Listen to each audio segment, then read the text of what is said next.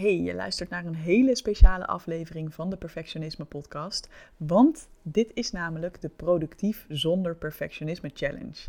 En je kunt nog meedoen als je daar zin in hebt. Je kunt je even aanmelden via evelienbel.nl/slash productief. En dan ontvang je naast deze audio's ook de werkboekjes en de inloglink voor de afsluitende masterclass. Waarin we nog veel dieper ingaan op hoe je ook na deze week ontspannen productief kunt blijven. Meld je dus gratis even aan via evelienbijl.nl slash productief. En dan zie ik je graag in de challenge.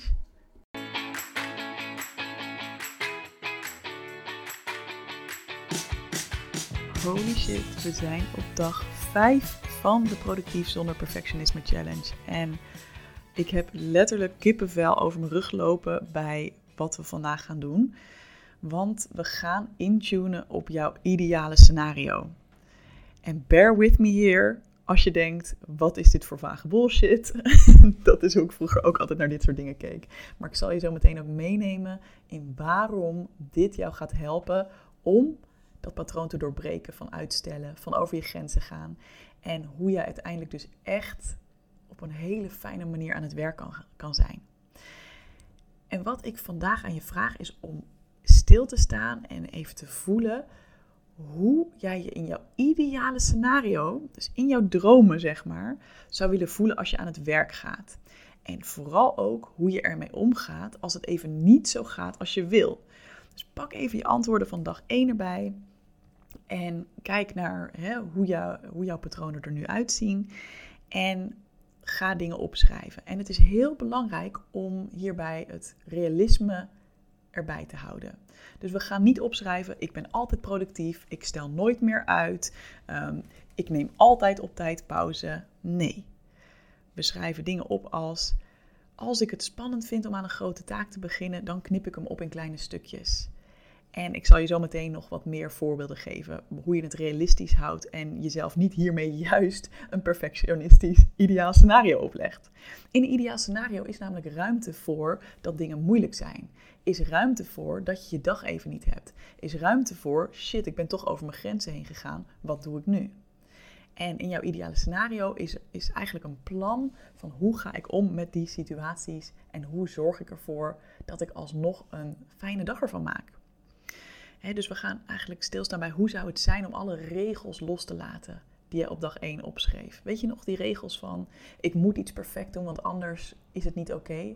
Of ik moet doorgaan en productief zijn um, voordat ik pauze mag verdienen we gaan stilstaan bij hoe het zou zijn om echt die mindset te hebben dat je productief bent, juist door rust te nemen, juist door goed voor jezelf te zorgen en dat je op een hele relaxte manier mag beginnen, waardoor het ook niet zo spannend voelt.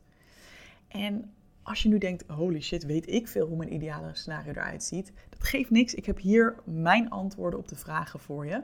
Ehm, en wie weet inspireert dat jou ook om te denken, oh ja, dat zou ik ook graag willen. Hier komt mijn verhaal. Oké, ik word uitgerust wakker, vol zin om aan een nieuwe dag te beginnen. Ik voel me licht en vrij. Ik ga lekker een paar uur aan het werk en neem dan een uitgebreide break. Ik kijk naar welke dingen ik echt gedaan wil hebben en ik gun mezelf verder om het rustig aan te doen. Ik dwing mezelf niet meer om keihard te werken wanneer het niet goed voelt. Ik raak in de flow van het werk dat ik doe. En als ik iets spannend vind, sta ik naast mezelf en weet ik dat ik altijd op mezelf kan rekenen. Ik kraak mezelf niet af als er iets niet goed gaat, maar ik steun mezelf juist. Ik heb nog steeds mijn onzekerheden en ik weet dat die erbij horen, maar ik voel dat als dingen waar ik aan kan werken in plaats van als een disqualificatie van mij als persoon. Ik stop met werken wanneer ik moe word en mijn hoofd vol zit. En ik weet dat morgen weer een nieuwe dag is waarop ik met frisse energie aan de slag kan. Aan het eind van de werkdag voel ik me tevreden en voldaan. Zelfs als ik niet alles heb gedaan wat op mijn planning stond, weet ik dat ik mijn best heb gedaan. En dat is goed genoeg. Hierdoor kan ik ontspannen aan mijn avond beginnen. Alright, ga de prompts die ik voor je heb klaargezet in het werkboekje lekker invullen.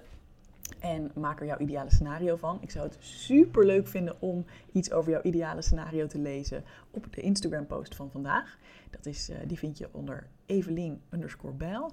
En ik weet nu ook dat je denkt, ja, maar dat is allemaal heel leuk dat ik dit opschrijf. Maar ik geloof niet dat ik dit echt zo kan bereiken. En dat snap ik 100%. 100%.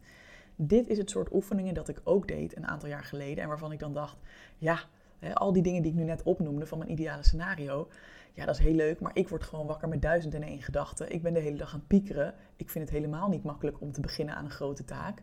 Uh, ik vind het helemaal niet makkelijk om mezelf rust te gunnen. Ik kan dat helemaal niet. Dus ik weet hoe het is om te voelen dat je daar dat je echt denkt van ja, maar zo zit ik niet in elkaar. En toch ben ik nu een aantal jaar later hier waar ik nu ben en is dit ideale scenario gewoon vrijwel altijd waar. Ik heb niet altijd een dag waarop ik superveel doe hoor. En ik heb natuurlijk ook wel eens onzekerheden en ontevredenheid.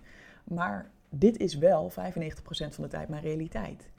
En alleen al, en dat is meteen het tweede wat ik je hoor denken, is van ja, maar ja, dan heb ik zo meteen opgeschreven hoe ik het graag zou willen. Maar ja, hoe kom ik daar dan? Hoe krijg ik dan voor elkaar dat ik ook echt ontspannender aan het werk ga?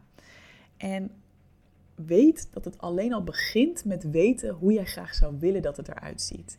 Dus als jij dit eenmaal hebt opgeschreven, kun je dit regelmatig teruglezen en jezelf vragen van, hey, hoe kan ik mezelf vandaag helpen om dit werkelijkheid te maken?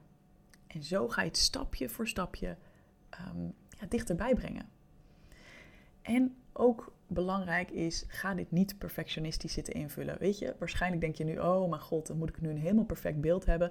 Nee, stop, ho. Neem gewoon vijf minuutjes de tijd, zet letterlijk een timer, schrijf gewoon de antwoorden op de vragen op en je kan altijd morgen aanvullen. Of als je er over twee dagen nog een keer over nadenkt, vul je nog weer aan van, oh, dit zou ik ook graag willen in mijn ideale scenario. Oh, dit vind ik ook belangrijk om te voelen.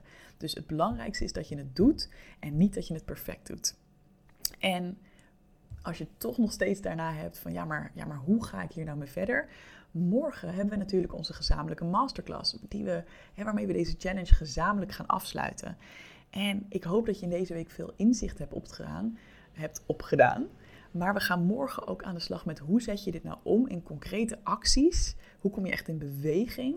Zodat je ook na deze week ontspannen productief blijft. Super leuk als je er dus live bij kan zijn. En uh, mocht dat niet lukken, ik kijk na afloop van de masterclass even of ik de replay beschikbaar stel. Um, dat wil ik altijd achteraf voelen hoe dat voelt. Uh, dus probeer er live bij te zijn als het, uh, als het lukt. En lukt het niet, dan hoop ik dat er een replay voor je komt. Ik heb er heel veel zin in. Veel succes met vandaag en heel graag tot bij de masterclass van morgen. We maken er een feestje van.